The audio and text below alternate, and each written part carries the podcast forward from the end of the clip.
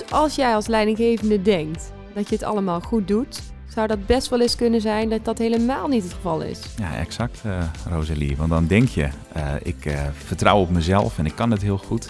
Maar zelfvertrouwen wordt in dit geval verward met zelfoverschatting. Dat is heftig. Ja.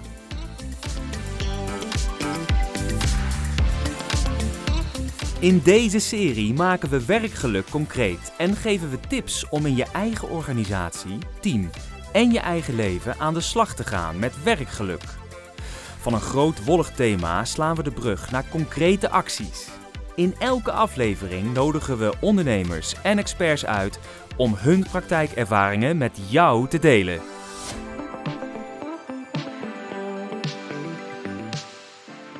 Welkom bij weer een nieuwe aflevering van Werkgeluk de Baas. Vandaag zit Peter Bos bij mij aan tafel en gaan we het hebben over leiding geven aan werkgeluk. Welkom Peter. Dankjewel Rosalie. Um, Peter, jij bent leiderschapsdeskundige bij Fonds Hogescholen. En je hebt al een heel aantal artikelen, boekhoofdstukken en programma's geschreven op het gebied van leiderschap, talentontwikkeling, maar ook talentgericht leiderschap. En sinds kort ben jij ook uh, associate lector bij het lectoraat voor dynamische talentinterventies. Ja, correct. Ja, nee, eh, dat uh, ben ik inderdaad. En ja, ik ben heel erg blij om hier te zijn, dat je me hebt uitgenodigd. En dat we in gesprek kunnen gaan over dat mooie onderwerp van leiderschap. Dus fijn om hier te zijn. Ja. ja, want ik kom jou regelmatig tegen bij bijeenkomsten. En dan lees ik jouw mooie artikelen, je blogs. En dan bekijk ik jouw nieuwste inzichten en dat doe ik met heel veel plezier. En ja, wat mij betreft ben je een echte expert als het gaat over leiderschap. En uh, ik vind ook jouw kijk op leiderschap en op talentgericht leiderschap en ook op leiderschap waarom het nou zo vaak misgaat. Um, ja, heel erg interessant en heel erg mooi. En daarom vind ik het heel fantastisch dat jij vandaag met mij aan tafel zit. Om voor de microfoon te praten over um, nou ja, wat leiderschap nou echt is en hoe het ook werkelijk beïnvloedt. Yep. Ja, daar gaan we het dus over hebben. Ja. Uh, maar voor we het daar echt over gaan hebben, wil ik jou nog wel even vragen van nou, uh, wie is Peter Bos nou ook nog meer. Ja, behalve dat uh, leiderschapsthema. Hè? Precies. Uh, ik ben uh, Peter Bos inderdaad. Ik ben 38 jaar oud. Ik woon in Best. Ik heb drie dochters en een vrouw thuis. Dus echt een vrouwenhuishouden. Sommige mensen die vragen wel eens aan me van... goh, wat zal je het zwaar hebben thuis? Maar ik denk daar echt heel anders over. Ehm, nou, op sommige momenten misschien niet. Maar nee hoor, ik ben echt heel, heel gelukkig met ik vind het een groot geschenk, uh, de dames, uh, dames thuis. Ben jij dan ook thuis de baas in huis? Uh, dat, dat denk ik wel, ja. Dus ik denk dat ik dat ben. En ik denk dat mijn vrouwen daar heel anders over denken. Dus, maar nee, het is mooi om nou, ook, ook te genieten met, met elkaar van, van het gezinsleven. Dus dat doe ik volop. Um, en verder, ja, ik kan van alles vertellen. Ik hou onder andere van schaatsen. Ik zou meer moeten sporten. Maar schaatsen, dat is wel echt ook een hobby voor mij. Dus ik sta graag op de schaatsbaan in, in Eindhoven. Uh, en uh, met goed weer uh, buiten. En tenminste, als de schaatsbaan dicht is, dan probeer ik de skilers onder te binden. zou ik nog veel meer kunnen en willen doen, maar dat is onder andere waar ik als hobby wel, wel van geniet. Oh, lekker. Ja, ja. Oh. Ja. Ik moet dan wel meteen denken aan de kou buiten. Ja, soms wel. En de, de, de, de, schaatsbaan kan ook wel eens fris zijn, maar ik vind dat heerlijk. en ik merk altijd mijn gedachten, die gaan heel vaak door en mijn hersenen die werken door. En de schaatsbaan is een soort plek voor mij waarin ik uh, even lekker uh, mijn hoofd uit kan zetten en in het schaatsen kan zijn en meer niet. Dus uh, je zou bijna een soort meditatie kunnen, kunnen Ja, doen. echt waar? Ja, ja, ja. ja in het moment. Even ja, even in het uit. moment zijn. En voor de rest, dat lukt mij altijd moeilijk. En dat vind ik ook helemaal niet erg, want ik denk graag na. maar op de schaatsbaan is ook wel even heerlijk om, om lekker die ontspanning te voelen. Ja, ja, ik moet zeggen, dat heb ik zelf met sporten ook hoor. Dat is echt een plek, dan kan ik alleen maar aan het sporten denken. Ja. En uh, dan kan mijn hoofd even uit. Ja, even in dat moment zijn, hè? Punt. Ja, ja, ja, ja. ja, Fijn. Ik ga even het bruggetje maken naar het thema waar we het over zouden hebben. Hè? De baas in huis, oh, of, of niet. Hè? ja, ja, precies. Wie is de leider thuis? Ja. ja. want wie is de leider thuis? Nou, wat ik ook in onderzoek uh, vaak merk, is dat leidinggevenden of directieleden zelf echt geen idee hebben van de invloed die ze eigenlijk thuis thuis, nee, op het werk hebben. En ik las van de week een artikel en daar stond ook in dat uh, wanneer mensen ontslag nemen, dat leidinggevenden nummer één staan op de redenen waarom mensen weggaan bij een bedrijf. En in mijn eigen onderzoek naar uh, empowering leadership en werkgeluk kwam ook naar voren dat 20% van het werkgeluk van mensen wordt bepaald of beïnvloed door hun leidinggevende, door empowering leadership. Dus de manier waarop hun leidinggevende met hen omgaat. En dat vind ik best wel heel erg heftig. Ja. Ja. Herken je dat? Ja, zeker. Ja, en het zijn ook mooi twee kanten die je schetst. Hè? Van aan de ene kant ook een, uh, een positieve kant. Hè? Dus dat in die zin, dat, dat merken wij zelf ook. We hebben onderzoek gedaan naar talentgericht leiderschap. Ik kom er zo misschien nog een beetje op wat dat dan precies is. Uh, maar we ontdekken dat doet ertoe. Hè? Dus naarmate er meer talentgericht leiderschap is, zien we ook dat medewerkers aangeven van nou, ik ken mijn talenten beter, ik ontwikkel ze meer, ik benut ze meer. Uh, ook als onderdeel van, van het werkgeluk. Uh, maar die andere kant is er ook. Hè? Dus we zien ook wel dat die vertrekreden die jij noemt, uh, dat die kant er ook heel sterk is. Dat leidinggevenden een negatieve impact kunnen hebben op, op hun omgeving. Um, en leidinggevenden zijn zich daar lang niet altijd bewust van dat zij uh, ook weer die negatieve impact kunnen hebben. Dus je, je doet ertoe als leidinggevende, maar dan kan zowel de positieve kant uitgaan als de negatieve kant. Ja. En ik denk dat het goed is om ook die negatieve kant, om daar ook, ook zeker bij stil te staan. Dat hebben we volgens mij nog veel te weinig uh, gedaan uh, in de afgelopen jaren. Ja, wat ik ook zie is dat, ze dan, uh, dat er dan ook heel vaak wordt gezegd: mijn team wil niet of mijn team heeft dit. Uh, vandaag sprak ik nog met een organisatie waar letterlijk werd gezegd: Nou, verdenk onze medewerkers van dat ze nou ja, minder productief zijn, stiptheidsacties hebben, wachten totdat de tijd voorbij is en dan naar huis gaan.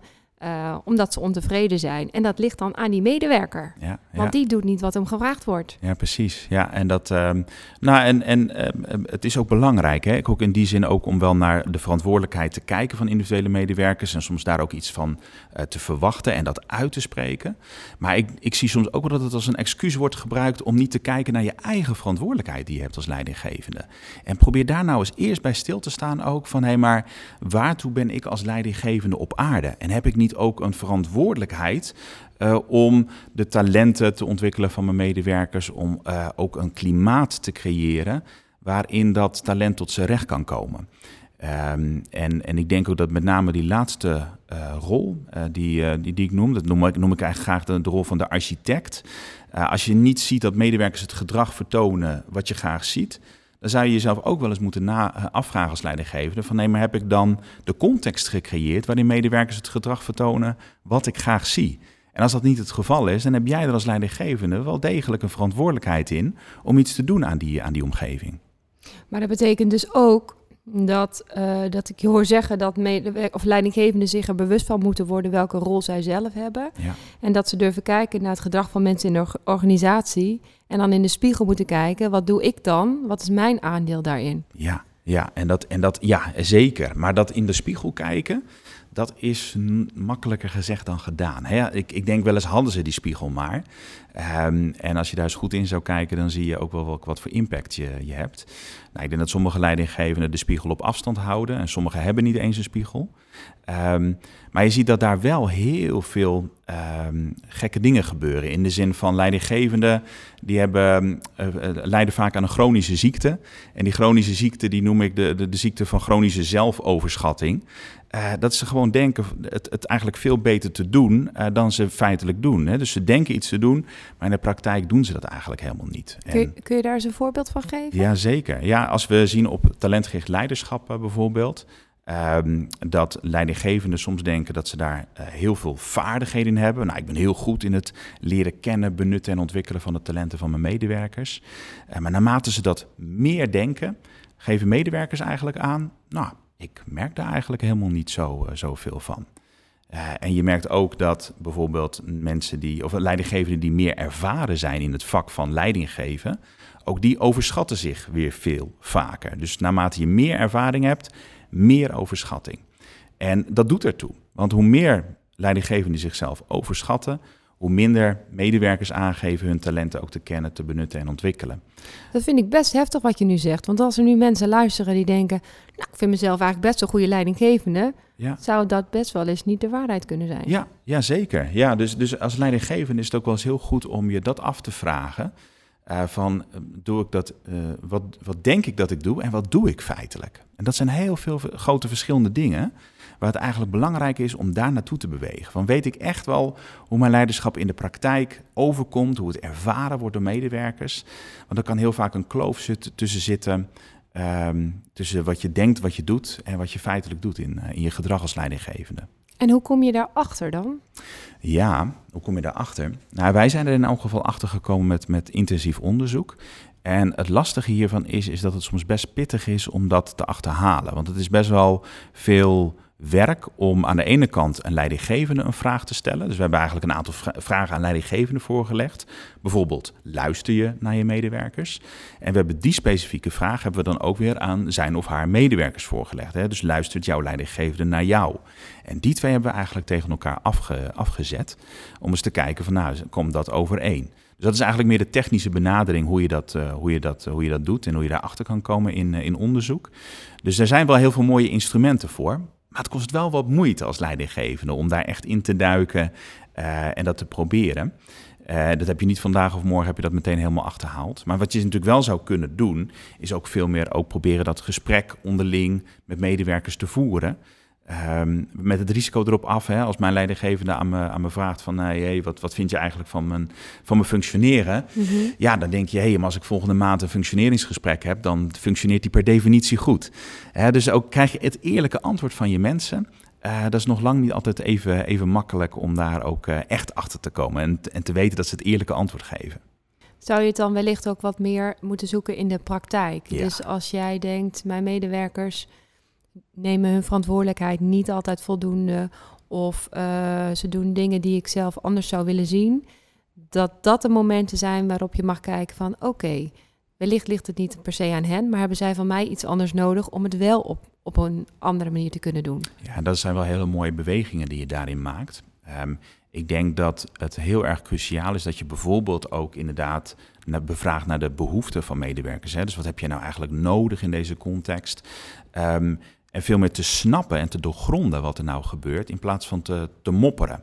En dat zie je dus denk ik ook heel veel gebeuren in uh, medewerkerstevredenheidsonderzoeken. Als ze dan wat lager scoren, dan een hoop gemopper. Misschien ook wel vanuit het, het management. Van nou, dat, moet toch wel een hoog stukje hoger. Um, of wil je echt de poging doen om te snappen van hé, maar wat zit hierachter? En dan kom je inderdaad op het stuk van zit je ook met je voeten in de klei en durf je te vragen naar medewerkers en te begrijpen wat hun, hun problemen zijn of waar ze tegenaan lopen in de praktijk. Nou, en en, en uh, die beweging maken, ja, dat, dat, dat doet de een wat beter dan de andere leidinggevende. Ja, echt het, uh, het bevragen. Het bevragen en in combinatie ook met, het blijft een moeilijk vak, hè, dat leiderschap en leidinggeven in de praktijk. En wat ik dan ook belangrijk wel vind, is dat leidinggevenden uh, naar hun medewerkers een beweging maken van uh, Stephen Covey die zegt dan hè, eerst begrijpen en dan begrepen worden. Eigenlijk is het die beweging die je, die je moet maken. Um, maar probeer ook te leren van andere leidinggevenden. En probeer veel in gesprek te zijn met andere leidinggevenden, hoe zij dat aanpakken. Um, en, en het risico van leidinggevenden is ook wel dat ze uh, soms wat geïsoleerd zelfs raken, eenzaam zijn. En ik denk dat de uitdaging is ook dat zij andere leidinggevenden opzoeken om daarin uh, het gesprek te voeren met elkaar en te leren van elkaar. Ja. ja, want wat je ziet als leidinggevende, is wel een belangrijk punt wat je aanhaalt. Uh, wat je ook ziet als leidinggevende, hoeft ook niet altijd de werkelijkheid te zijn. Uh, ik ken ook organisaties waar de medewerkers prima hun werk deden en lang bleven zitten zolang de leidinggevende er was.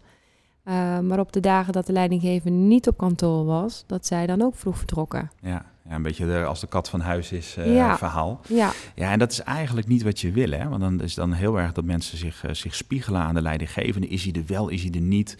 Wat verwacht hij mij wel, wat verwacht hij van mij niet? En ik denk ook hè, dat, we, dat we juist in een, in een tijd leven en ook in een kenniseconomie waarin we precies het tegenovergestelde van medewerkers verwachten. Hè? Van proactief, probeer met eigen initiatieven te komen, um, zowel voor de organisatie als voor jezelf. Want dat, daar zitten de, uh, ontwikkelingsruimte zit daar. Um, maar dat, dat uh, uh, als jij geleerd hebt aan je medewerkers dat ze zich altijd moeten spiegelen aan jouw grillen als leidinggevende, dan ga je dat proactieve gedrag ga je nooit van ze terugzien. En dus dat is ook weer een beetje hè, van welk klimaat heb je nou gecreëerd in die omgeving van de medewerkers, dat zij dat talentgerichte gedrag of dat proactieve gedrag, dat ze dat gaan vertonen. Zou het dan ook zo kunnen zijn dat in zo'n organisatie waar die medewerkers dan vroeg vertrekt, als die leidinggevende er niet is, dat dat ook medewerkers zijn die eigenlijk niet de ruimte krijgen om hun verantwoordelijkheid te pakken. Ja. Dus dat ja. zij veel geïnstrueerd worden om dingen te doen. En als de leidinggevende dan niet is, menen dat ze dan ook niets te doen hebben? Ja, Moet ja ik denk dat zien? dat het wel, eh, wel is, eh, Rosalie. En eh, kijk, talentgericht leiderschap, dan zeg ik heel vaak, er zijn een beetje twee, twee kanten van, van, van talentgericht leiderschap. Dat is de ene kant die, die rol van de coach en een aantal vaardigheden die daarbij horen. En aan de andere kant is het de rol van die architect. ehm, dat je een, een talentgerichte ruimte creëert voor medewerkers. En wat daar onder andere bij hoort, is precies dat punt wat je net noemt. Dat jij invloed en autonomie geeft aan je medewerkers. En dat je ook eigenlijk verdraaid goed hebt nagedacht als leidinggevende van hoe ver reikt dan die autonomie? Welke ehm, ruimte wil ik geven aan mijn medewerkers? En welke invloed mogen zij hebben op het primair proces wat wij, wat wij uitvoeren? Ehm, en als jij, ehm, eh, volgens mij is het ehm, Boomstra, die zegt dat wel heel mooi, hè, van als je een hek zet om, of om eh, medewerkers heen, dan krijg je schapen. Dus als je een heel nauw hekje maakt, ja, dan, is dat, dan gaan ze daar een beetje in bewegen. Maar dat heb je zelf gecreëerd. En naarmate je meer een, een grote speelweide maakt, ja, dan zie je toch mensen dartelen, dan zie je ze, ze mooie sprongetjes maken. En ik denk dat dat genieten is om daarnaar te kijken. Maar dan moet je wel ook die leidinggever dat initiatief hebben genomen om ze die ruimte te geven. En die ruimte geven, ik merk dat dat vaak ook heel spannend is. Dan kunnen medewerkers dingen gaan doen die jij van tevoren niet had bedacht. Of ze doen het net op een andere manier dan dat jij had bedacht. Ja. En dat was nou ook weer niet de bedoeling. Ja, ja, precies. Dan gaan ze ineens naar links, terwijl jij ze naar rechts eh, toch Ja. echt, eh, echt wilde hebben. Ja. Nou, er zijn ook wel tussenvormen. Hè? Dus eh, wat ik altijd ook wel eens meegeef aan leidinggevenden is... denk eens na over het Google-model of denk eens na over het 3, eh, 3M-model. Waarin ze zeggen nou ja we, hebben een bepaalde richting in... en daar willen we of, eh, die gaan we uit en daar willen we mensen in mee hebben. Maar we geven ook eh, het 20% of 10%, wisselt een beetje welk, bij welk bedrijf je kijkt... maar vrije speelruimte aan medewerkers. Om eigenlijk in die tijd te zeggen, nou ik ga iets doen voor mijn organisatie. eh, maar ik heb zelf de beslissingsruimte wat dat iets is voor, me, voor de organisatie.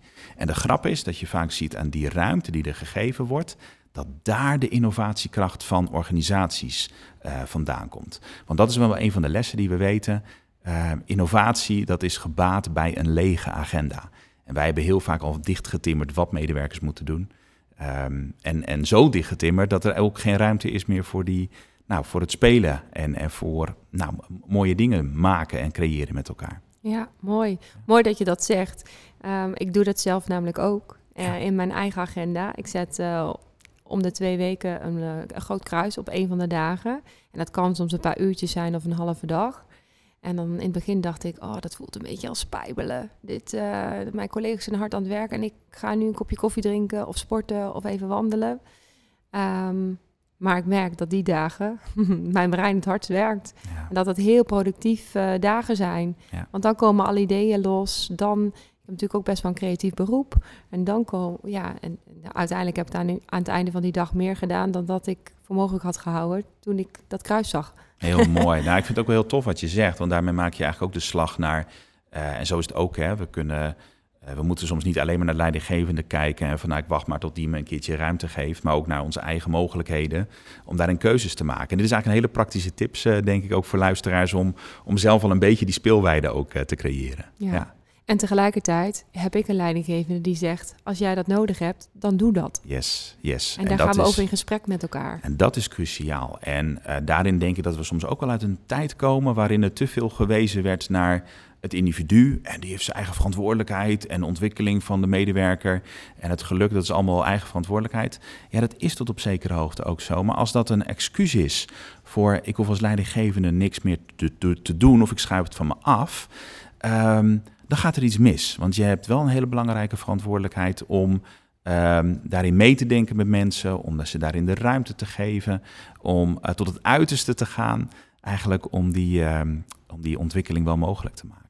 En is dat dan ook wat je bedoelt met de leidinggevende als architect, wat je zojuist zei? Ja, dat is eh, wat mij betreft eh, invloed en autonomie geven. Maar wat daar ook bij hoort, en dat hoor ik nog te vaak terug, is aandacht geven aan teamontwikkeling. Dus je echt opstellen ook als een leidinggevende van een team. Eh, en überhaupt dus misschien wel na te denken van ik, ik spreek steeds over een team. Maar is het eigenlijk wel een team? Vaak is dat niet eens. Is het een groep mensen waar je leiding aan geeft. Uh, dus ik vind dat die leidinggevenden ook, ook veel meer onderlegd zouden moeten zijn in, in teamontwikkeling en wat daarbij komt kijken. En dat klimaat. Hè, dus, dus eigenlijk wat je, wat je doet als leidinggevende en wat je terugziet als mensen angstig uh, reageren. um, als je binnenkomt, nou, ik hoop dat leidinggevenden dat dan mogen proeven en ervaren. Sommigen hebben dat niet eens door dat ze dat, dat doen met mensen. Maar het, het, een, een normale toon aanslaan tegen mensen. Uh, mensen zien, mensen waarderen dat draagt ook bij aan een uh, omgeving waarin mensen tot bloei mogen komen. Dus dat zit echt een beetje wat meer in die architecten, architectenrol. Ja, ja. In de eerdere afleveringen van, uh, van de podcastserie hebben we het ook al gehad over het echte gesprek met medewerkers. En hoe belangrijk het is om geen aannames te doen of dingen te willen oplossen voor ze. Nou, in die valkuil kan je wel makkelijk stappen als je naar je medewerkers luistert en hen uh, dingen wil faciliteren, dat je dingen voor ze wil gaan oplossen. Zie jij dat ook veel terug in jouw praktijk? Ja, ja, ja dat, je, dat je ook veel, te, veel denkt van, oh, maar ik, ik, uh, ik ben de redder in nood en ik ga het voor jou oplossen en ik ga het voor je regelen. Terwijl de eerste stap is denk ik ook, uh, ook hier eerst maar eens begrijpen. Dus ook heel goed uitvragen van, hey, wat is je probleem? Waar, waar zit het nou precies ook in? Um, en eigenlijk de leefwereld van je medewerker doorgronden. Dat is denk ik cruciaal en belangrijk. En um, ik denk dat je als leidinggevende ook een, een veilige haven mag zijn voor je, voor je medewerkers om verhaal te vertellen of, of te delen. Um, en dat zij ook kunnen benoemen welke problemen zij ervaren in het werk. En dat je je best moet doen als leidinggevende om dat, uh, dat in de vingers te krijgen van hé, hey, waar zit het daar dan precies in? Maar je moet eigenlijk ook weer oppassen dat jij de, de, de regelneef wordt die dat dan vervolgens weer, uh, weer allemaal oplost. En ik denk ook in die zin dat soms het leiderschap nog te veel ook in die uh, hoek zit. Hè? Van nou, ik, ik, ik, uh, de leidinggevende als coach is ook wel een misleidende term. Dat je ook die rol en verantwoordelijkheid vooral op dat niveau draagt. Terwijl ik die rol van de architect, blijkt ook wel uit ons onderzoek, uh, dat die eigenlijk nog vele malen belangrijker is voor specifiek talentontwikkeling uh, dan, uh, dan die rol van de coach. Die, die architectenrol is nog veel belangrijker. Ja, dus niet het gaan oplossen, maar de vraag stellen: wat heb jij nodig? Ja, wat heb jij nodig? Wat kan ik jou. Uh, ik weet nog dat ik met een collega ook wel eens, uh, wel eens sprak. Uh, die ging bijna met, met pensioen. En die zei van, ik heb nou, nou een stuk of tien leidinggevenden gehad in mijn, in, mijn, in mijn loopbaan. En er is nog nooit eens een leidinggevende geweest die heeft gezegd van, nou, wat jij, het probleem wat jij aankaart, dat kan ik niet oplossen. Nee, ze konden het altijd oplossen, ook als ze het niet konden oplossen. Uh, dus ze, trokken daarin soms een te grote broek aan, zei hij. En hij zei, de kunst is ook veel meer geweest van, nou, ik kan niks voor je betekenen, maar ik kan wel eens met je meekijken of ik met, naar iemand kan doorverwijzen die jou kan, goed kan helpen. Of ik kan jou de vragen stellen die jou eigenlijk zelf veel meer helpen om tot een soort antwoord te komen. En, um, en ik denk dat het ook een belangrijke les is voor leidinggevenden om dat in elk geval mee te nemen. Ja, en een mooie manier om niet al het werk op je eigen bordje terug te krijgen. Precies. Maar wel de verantwoordelijkheid daar te laten waar die hoort. Exact. Kijk, en dat is natuurlijk ook het punt, hè, dat, dat hebben we ook wel gezien in ons, in ons onderzoek. Uh, de span of control van leidinggevenden doet er bijvoorbeeld ook toe. Mm -hmm. Hè, naarmate je zo ongeveer boven de 20 uh, mensen zit waar je leiding aan geeft, dan is het best wel heel lastig om nog steeds goed naar mensen te luisteren en ze echt te waarderen en te snappen waar ze mee, uh, waar ze mee zitten. Um, dus dat geldt ook voor, voor um, uh, mensen echt kunnen helpen. Ja, hoe meer mensen je hebt, hoe lastiger dat op een gegeven moment is. Dus je, uh, de kunst is dan om ook weer te leunen bijvoorbeeld op het team, om mensen door te verwijzen, zodat je het inderdaad niet allemaal zelf op je eigen bordje, bordje krijgt. Um, maar ook dat je niet in de valkuil trapt, want dat zien we wel vaak gebeuren.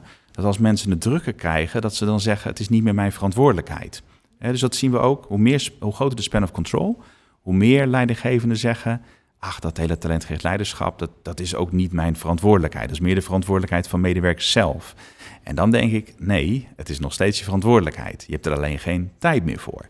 Dan moet je goed gaan nadenken, hoe kan ik naar alternatieve wegen gaan zoeken, dat mensen nog steeds wel die ruimte krijgen om hun uh, talenten te kennen, te benutten en ontwikkelen. Ja, ja. En, en, en wat is dan zo'n manier?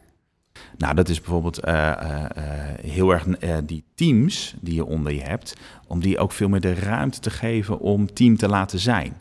En bijvoorbeeld hen heel erg ook een duidelijke opdracht mee te geven. Dat klinkt heel, heel basic, maar vaak is dat helemaal niet zo. Dat zo'n team Nou, die is dan, eh, als je bijvoorbeeld op het onderwijs plakt, dan zijn ze verantwoordelijk voor goed onderwijs. Maar ja, wat, wat is dat dan en wat doe je dan precies?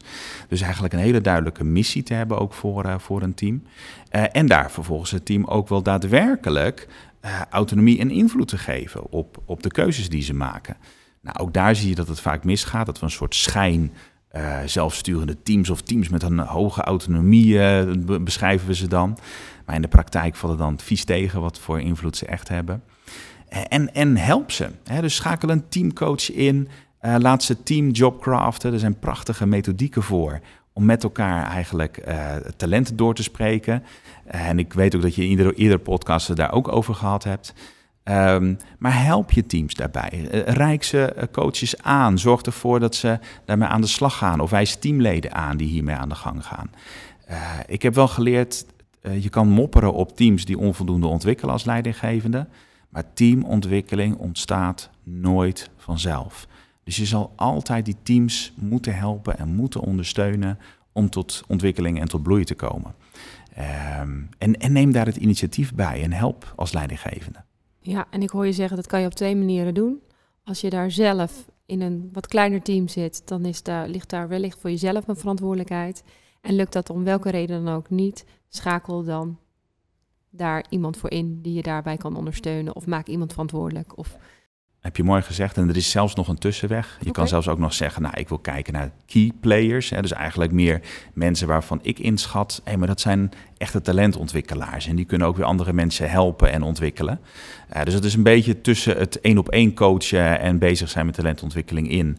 Versus het uh, echt aan de teams uh, overlaten en daarop sturen. En dat is eigenlijk wat meer gericht mensen aanwijzen die daar de verantwoordelijkheid voor hebben. Uh, en je kan natuurlijk ook combinaties maken van die drie die ik net, net schets. Maar dat zijn een beetje de smaken waar je uit te kiezen hebt als, als leidinggevende. Mooi, dankjewel. Heel graag gedaan. Heb jij nog een tip voor de mensen die luisteren? Wat ik een belangrijke tip zou vinden voor leidinggevenden om mee te geven, is ik heb lang geworsteld om antwoord te geven voor mezelf op de vraag uh, wat is leiderschap? Um, en ik kwam er steeds meer achter, het draait niet om de vraag wat is leiderschap?